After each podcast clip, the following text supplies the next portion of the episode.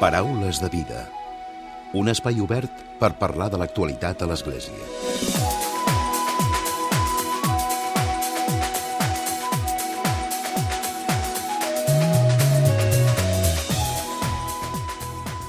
Què tal? Salutacions i molt bon dia, molt bon diumenge. Avui conversarem amb el cantautor Antoni Rodríguez Arribas. Ell és l'autor d'un disc que té per títol Alef 2.0, un treball musical amb rerefons solidari, una proposta de música cristiana amb pinzellades de pop, rock i jazz. Ell mateix ens diu que el seu treball vol ser un instrument amb vocació de compartir la fe a través de la música i la música a través de la fe vol sensibilitzar, reflexionar i pregar en la realitat complexa que vivim.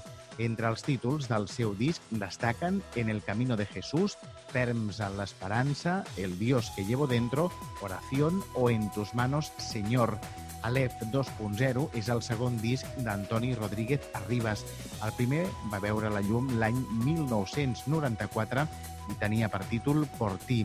Aleph 2.0 es posa al servei d'un projecte social, la Fundació Santa Magdalena, per aportar un finançament addicional a aquesta entitat i les seves activitats, una entitat sense ànim de lucre que treballa a Esplugues de Llobregat amb projectes d'assistència i cooperació al desenvolupament social. De seguida saludem l'Antoni Rodríguez Arribas. I com sempre tancarem el Paraules amb el comentari de l'actualitat de Francesc Romeu. Comencem.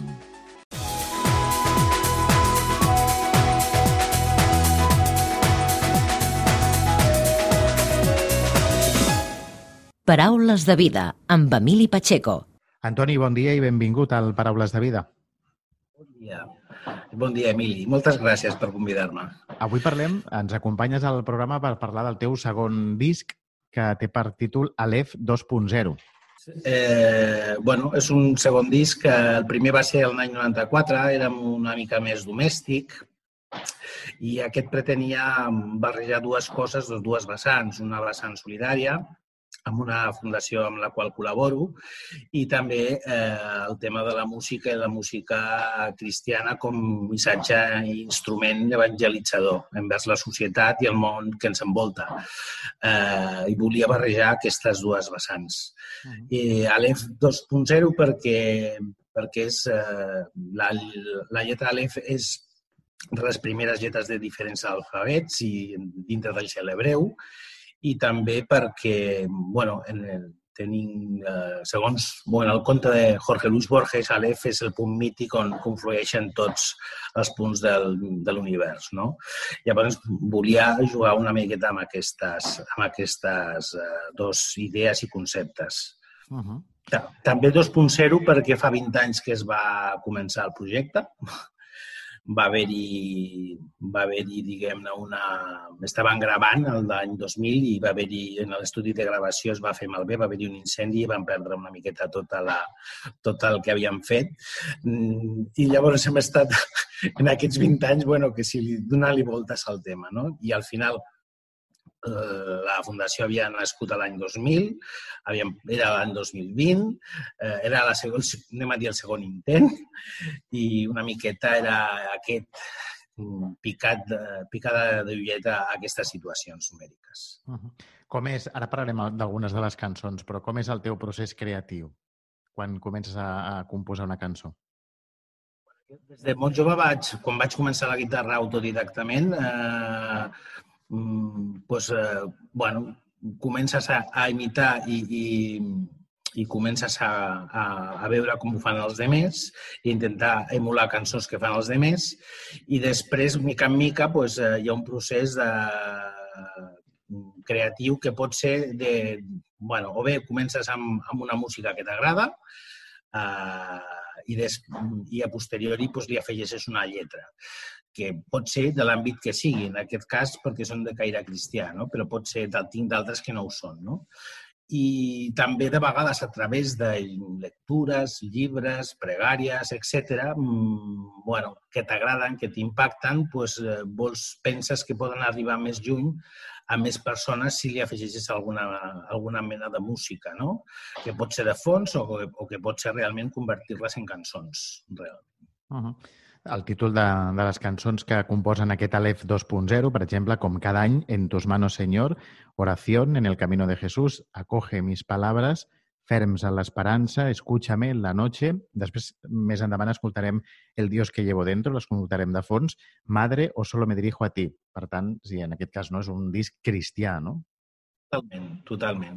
Quan van començar amb el projecte vaig dubtar si tirava per un, un tema, diguem-ne, més eh, cantautor pur i dur, vull dir, de, de, pues, normal, no? Vull dir, de sentiment, sí. Eh, i, però com el projecte era de caire cristià, pensava que havia de treure les cançons que, al llarg de, de, de les diferents vivències personals, havia, en el procés creatiu que havia tingut, podien eh, ajudar també a, a la resta a sentir una connexió eh, i una vivència de, de Jesús i de Déu. No? I llavors mm, vaig decantar per aquesta, per aquesta vessant, íntegrament cristiana, també. Uh -huh. L'estil musical, tu com el defineixes? L'estil musical, ara parlem de música cristiana, d'aquest missatge no, evangelitzador o que eh, és una manera, no?, potser d'evangelitzar, però com, com el definiries? Jo he escoltat molta música i, bueno, al final el que t'agrada és el que d'alguna manera acaba impregnant el que composes. Eh, I realment des del rock sinfònic fins a la música melòdica, vull dir, el, el, el ventall és aquest. Sempre m'havia o havia defugit de ser el cantautor, eh, anem a dir, toston, eh?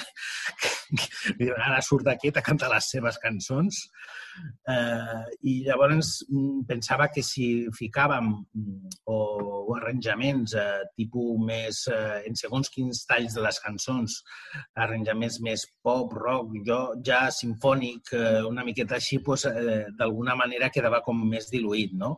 Podia sentir el missatge, però també la música acompanyava i arropava eh, molt més la, la paraula o les lletres de les cançons i una miqueta és, eh, és aquest l'estil. Música de cantautor, però amb uns arranjaments una miqueta pop-rock jazz d'aquestes cançons, uh -huh. que són una mica les, les que, les que, l'estil que m'agrada, diguem-ne. No? Antoni, és la música un element més per evangelitzar? Moltes vegades eh, jo recordo al llarg dels anys en diferents grups que ja hi ha gent que se m'ha apropat i m'ha dit que gràcies perquè, bueno, pues que aquella pregària, aquella cançó, eh, li havia apropat molt i que no l'oblidaria mai, no? Perquè, perquè la música és un instrument de, que posem a les persones, a, és un instrument de Déu mm, envers les persones i vull dir, som, som instruments de, de Déu els que cantem també, no? A, través de qualsevol activitat. Ara per què parlem de música, no? Però especialment la música moltes vegades connecta amb les persones, amb la seva espiritualitat, sigui la que sigui. I sí, tinc l'experiència de que moltes persones s'han sentit i ho senten així també. Creus que el mercat, en aquest cas, eh, el mercat del disc o de la música cristiana és potser més, més reduït? Que potser la gent no, no s'atreveix tant a expressar aquests sentiments que, que potser es, es veuen més com de l'òrbita privada i que, per tant, no, no ho expressen a través de la música, Antoni? Sí, sí, sí, totalment. Ten, tenim molts complexos eh, en aquest sentit. I, en canvi, mires en, eh, en, la, en la resta del món eh, i hi ha grans grups que Altres tenen països. grans cançons d'altres països mm, en lletres totalment cristianes, però la gent, com que és en anglès, com que no sé què, o altre idioma, doncs llavors pensen que no parlen de Déu, no? però és curiós perquè altres, bueno, en altres llengües no, no passa res. En canvi, si parlem en català o en castellà, doncs llavors sembla que no, que no puguem. Eh, has d'escollir de, i, i el grup és reduït, no? Llavors ja no pots optar a segons quines, eh, quina, quin públic, per dir-ho així, no? I llavors queda com, bueno, el, el boca-orella, no? La gent, si t'agrada o no t'agrada, doncs, mica en mica va, se va eixamplant el públic. Per tant, s'han de treure els complexos, no? I, per tant, sí. tirar endavant i fer-ho, no? Per aquella gent sí, que sí. també tingui la mateixa inquietud que tu, no? Que, Sí, sí, sí. Jo, a, tra bueno, a través del, dels anys sí que vas coneixent a persones i realment sí que hi ha molta gent, o bueno, molta, força gent que sí que fa aquest tipus de música com la, com la que he fet jo, no? Però, però realment és reduït, és reduït. No? L'aforo i el públic realment és reduït. Uh -huh. Antoni, ara escoltem de fons eh, la cançó El Dios que llevo dentro. Una mica què és el que vols transmetre amb aquesta cançó, amb el Dios que llevo dentro? Home, el Dios que llevo dentro és una cançó que m'aprecio molt, la lletra no és meva, és de, la, és de la meva dona, en aquell moment la meva nòvia. Eh, I jo vaig una miqueta a fer la música i a, i a fer el, la composició de les lletres perquè quadres millor. No? Eh, però ve a ser una miqueta, per dir-ho així, com si fos el credo, el meu credo. Eh, si hem de dir en quin, Déu, en quin Déu crec, una miqueta seria el que va sortint al llarg de tota la cançó. Eh, al llarg de la humanitat, la visió de Déu, la imatge de Déu ha anat canviant moltíssim i cada persona al final acaba tenint una imatge de Déu determinada. No? Per mi, a través del Dios que llevo dentro, aquesta és la imatge de, de Déu que tinc, de Jesús. Un Jesús que t'acompanya, que sempre està al costat del que ho necessita, del més feble, de, del que ho passa malament a, a nivell espiritual, a nivell material, i sempre està, eh, sempre et fa proper a través de les altres persones. Sempre t'està estimant i sempre estima. És una miqueta l'esperit de la cançó, el, el, una mena de declaració d'intencions en, en, quin de, en quin Déu crec. Estem molt faltats i sobretot ara, no sé si amb aquesta situació de pandèmia, no? de que tothom s'ho està passant malament, de que també hi ha la, la part més pràctica no? de la, la, la gent que no té recursos, que, que està veient com la seva vida se'n va en orris i no sé si estem mm, mancats d'amor, no? de, de que ens falta aquesta mirada cap a l'altre, no? Una mirada d'esperança, doncs, una mirada de, de dir estem aquí, entre tots ens podem ajudar. Sí, sí. Eh, ens, hem, ens hem fet un, una societat més...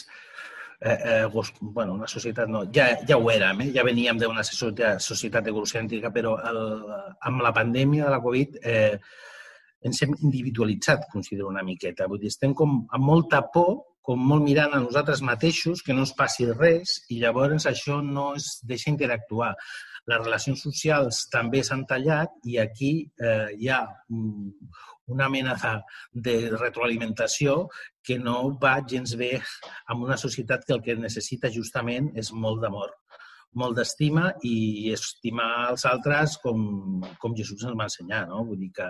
Sense complexos, sí, també, no? Sense complexos, sí, sí, absolutament. I sí que em fa ràbia, eh? perquè vas veient que, clar, tens la, la, necessites expressar als, als demés i no bueno, per, sanit, per una qüestió de sanitat te diuen que no ho facis. I, I després també tens pors i les persones cadascú té la seva por i llavors això fa que al final hi ha aquestes dos vessants que no ajuden a, a estar atents als altres. No? Ara, anem, ara anem pel carrer i potser anem amb recels, no? mirant amb les mirades de dir aquest no porta la mascareta, aquella no porta la mascareta, sí. no potser anem com desconfiats, no? Sí, sí, sí, sí, sí, sí, pors i desconfiats, sí, absolutament, sí, sí. Uh -huh. Antoni, parlem de, abans deies, no? el, el disc, aquest treball té un rerefons solidari amb la Fundació Santa Magdalena. De fet, tu estàs també vinculat a la parròquia, no? D'Esplugues, de, a la parròquia Santa Magdalena, pot ser? Correcte, sí. Eh, la Fundació Santa Magdalena va sortir de, de la vocació d'uns fidels de, de crear una, una associació solidària mm, en el bar, en, vinculada a la parròquia, però, diguem-ne, eh, separada, per dir d'alguna manera, no? Vull dir, amb, amb total personalitat pròpia. I llavors, a partir d'aquí, doncs, es, va crear, es, va, es va crear aquesta entitat. Eh, bueno, hi havia tots aquests fidels que es van anar implicant i bueno, quan comença la, la, les, els seus primers passos, doncs, el que veus és que és una falta de finançament i dius, home, doncs, què podíem fer? I a mi se'm va ocórrer, doncs, bueno, doncs podíem fer un... Bueno, cadascú el que sap fer, més o menys, doncs, ho poses al servei, no? I a partir d'aquí és on neix la idea d'aquest CD, no? Que al cap i a la fi dius, eh, farem alguna cosa amb això? Doncs pues, pues no ho sé. Però mm, sempre s'ha de pecar de dir, bueno, donem un pas endavant i ja veurem què és el que passa, no? I moltes vegades, si no és els diners, eh, també és posar o, o donar a conèixer el projecte perquè d'altres, a lo millor, doncs, inter, la interrelació amb d'altres entitats i persones pot ajudar a lo millor els projectes. No només és una qüestió de vegades de diners, que podria ser el crowdfunding inicial, el, podria ser la, la idea, no? Vull dir que, que el posicionament i donar a conèixer el projecte també era part, del, part de, la, de la vocació d'aquest projecte. Mm. Abans parlaves, Antoni, de la teva dona, com que havia composat una de les cançons. De fet, el treball, aquest Aleph 2.0, també és el resultat de, del suport que has tingut d'altres persones, no? sense el suport d'altres persones això no, no, no hagués pogut ser. En, el, en el fulletó, en el llibretó interior, intento sintetitzar i, bueno, en grans traços els agraïments, els agraïments, no? Bàsicament en tres grups. Agraïments a través de, de totes les vivències en totes les comunitats que he viscut, eh, a través també un altre bloc de totes les persones a nivell familiar, eh, la meva dona, els meus fills, els meus pares, eh, i també els meus amics i germans, eh, un grup en el que, en el que també hi participo i, i bueno, les persones o, o a nivell religiós que m'han marcat més, més clarament. I en el projecte en si, doncs sí, el, el productor la, que m'ha ajudat eh, on, i on hem gravat les, eh, les cançons es diu Albert Caire i sense ell no hagués pogut estar a fer-se aquest projecte. I també a nivell, a nivell de disseny gràfic, Jesús Arribas, que eh, ha estat vital en, la, en el disseny de, de tota la portada, de tot el llibret, etc. I després les persones que han participat, la Mosse Puiggrós, amb les veus, el Javi Nadal, eh, també amb les veus, i la Txell Puiggrós i la Laia Torres, també amb, amb el, els segons quins eh, apunts d'instrumentació. No? Eh, bàsicament són una miqueta els agraïments i les persones que més han contribuït en aquest projecte a nivell ja, ja pràctic. Però, bueno, moltes vegades la vivència és el que més ajuda, també ajuda, el que va, tota la vivència és el que va ajudant a que al final afloreixi el projecte. Uh -huh. I avui per la gent que ens escolti a través del Paraules de Vida, si el volen comprar, si el volen adquirir, si el volen escoltar, què és el que han de fer?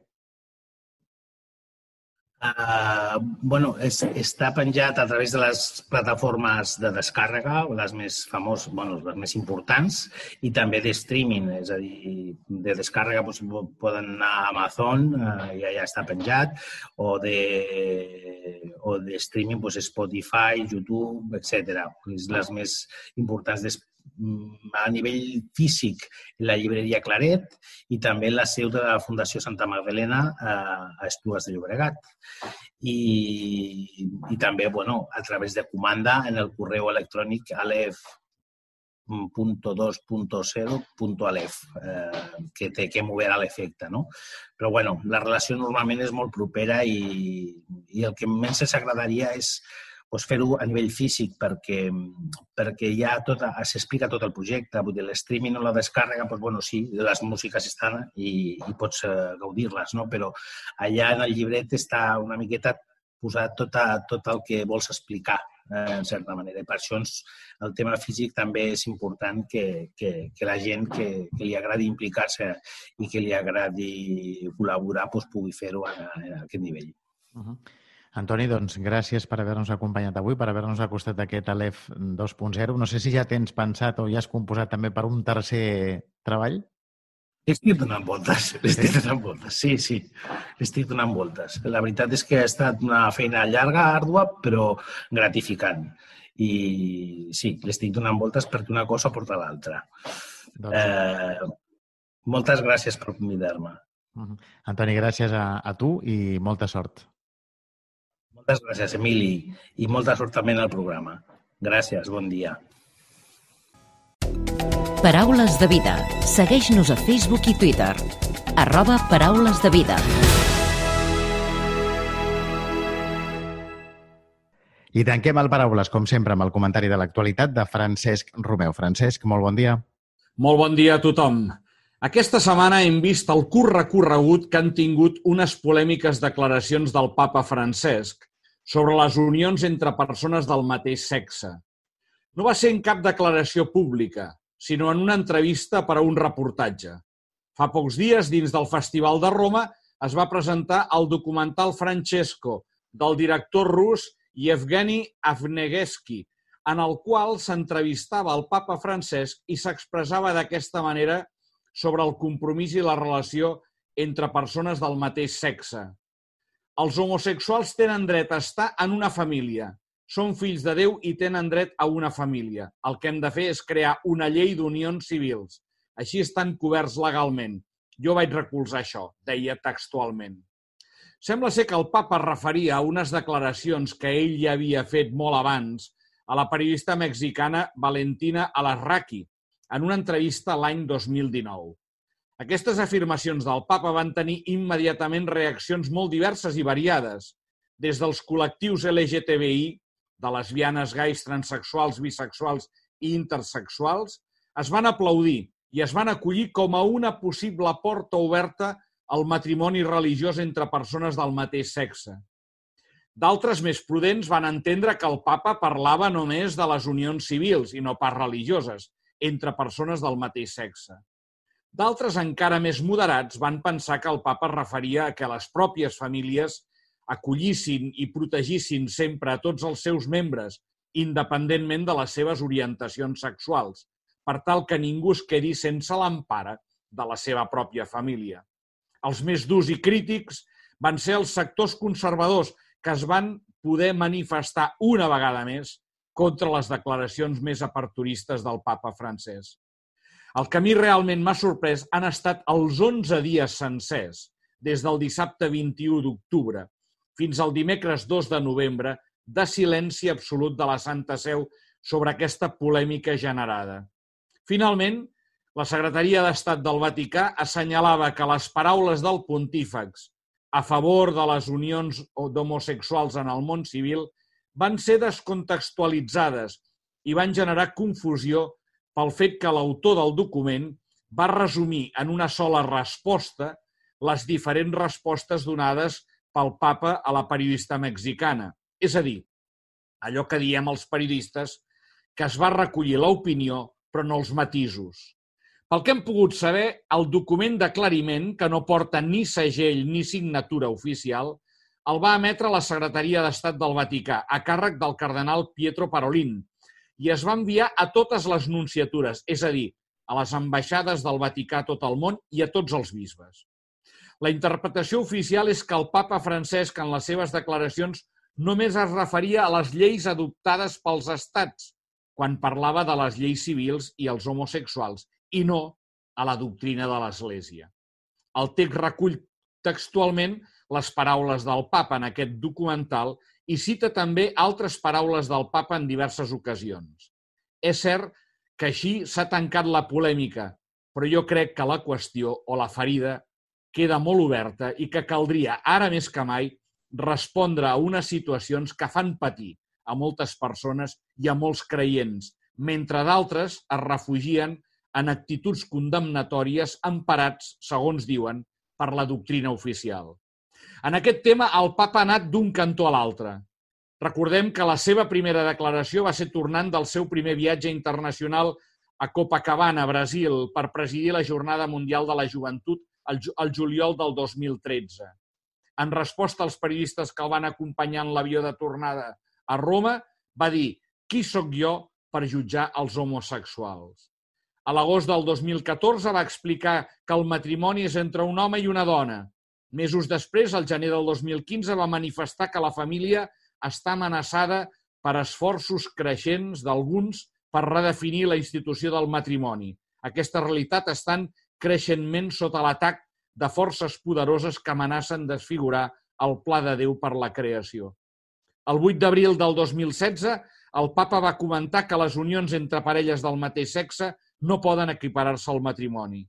A més, el setembre d'aquest mateix any va donar suport a un grup de joves mexicans que protestaven per la proposta presidencial de legalitzar el matrimoni entre persones del mateix sexe al país, mentre d'altres recorden que, en canvi, quan era arcabisbe de Buenos Aires, va recolzar les unions civils a l'Argentina com una alternativa als matrimonis del mateix sexe. Per tant, un tema que cal aclarir. Molt bon diumenge a tothom! Paraules de vida amb Emili Pacheco.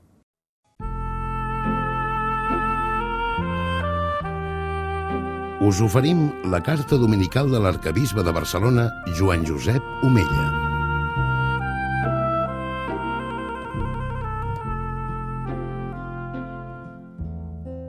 Déu us guard. Aquest dissabte, a la Basílica de la Sagrada Família, hem tingut el goig de celebrar l'Eucaristia amb motiu de la beatificació del jove màrtir Joan Roig Dígel. L'Eucaristia és la font i el cimal de tota vida cristiana – així ho va experimentar el nostre jove màrtir durant la seva vida, especialment en els moments de prova. Explica mossèn Pere Llumà, director espiritual del Beat Joan Roig, que quan es va trobar amb ell el dia 10 de setembre de 1936, un dia i mig abans de la seva mort en mans de l'escamot de la FAI, li va insistir a poder emportar-se la reserva eucarística. Volia dur la comunió a alguns cristians del Masnou al seu poble perquè pogués passar. Quan mossèn Llumà va accedir a la petició, Joan es va sentir com si fos un nou sant Tarcisi. El nen romà del segle III, conegut com el màrtir de l'Eucaristia i patró dels escolans, acòlits i ministres de l'Eucaristia. En aquella ocasió, Joan Roig va arribar a dir a mossèn Llumà que seria capaç d'anar a França a peu per rebre la comunió eucarística encara que fos per una sola vegada. El testimoni de Joan ens recorda que l'Eucaristia és un sagrament que a qui el rep amb ganes i ben disposat regala vida, amor, força de comunió i capacitat immensa de perdó. És el motor de la nostra espiritualitat que fa possible una existència renovada. Per mitjà de l'Eucaristia, Jesús ressuscitat vol quedar-se amb i en nosaltres perquè tinguem vida eterna. Els qui mengen aquest pa, diu Jesús, viuran per sempre. Els primers cristians van experimentar tot això amb tal força que deien que sense l'Eucaristia no podien viure. Necessitaven rebre-la, almenys cada diumenge i experimentar en el seu interior la presència de Crist. Quan participem en la celebració eucarística celebrem que Déu ens estima immensament. En ella ens unim a la vida, mort i resurrecció de Crist. L'Eucaristia té el seu origen en Jesús i ha arribat a nosaltres a través de l'Església. Tots els cristians tenim la missió de transmetre l'amor a l'Eucaristia a les generacions futures amb la mateixa alegria i passió amb què ho va fer el beat Joan Roig. L'Eucaristia va portar en Joan a donar la vida per la fe, a perdonar i a pregar per aquells que el van assassinar. També ens anima a viure com va viure Jesús i a ser pa partit i compartit amb els homes i dones del nostre temps. Atrevim-nos a ser, com Joan Roig, apòstols de l'Eucaristia, de la presència sacramental de Jesucrist en les nostres vides. Benvolguts germans i germanes, l'Eucaristia és la font de la nostra vida cristiana. No ens conformem a contemplar la font, beguem d'ella. Que per intercessió del nou beat Joan Roig, l'Eucaristia sigui sempre l'aliment que enforteix la nostra fe i la nostra esperança. Que l'Esperit Sant encengui en nosaltres, com ho va fer amb els deixebles de Maús, l'amor per la paraula i per l'Eucaristia. Que Déu us beneixi a tots. us hem ofert la carta dominical de l'arcabisbe de Barcelona, Joan Josep Omella.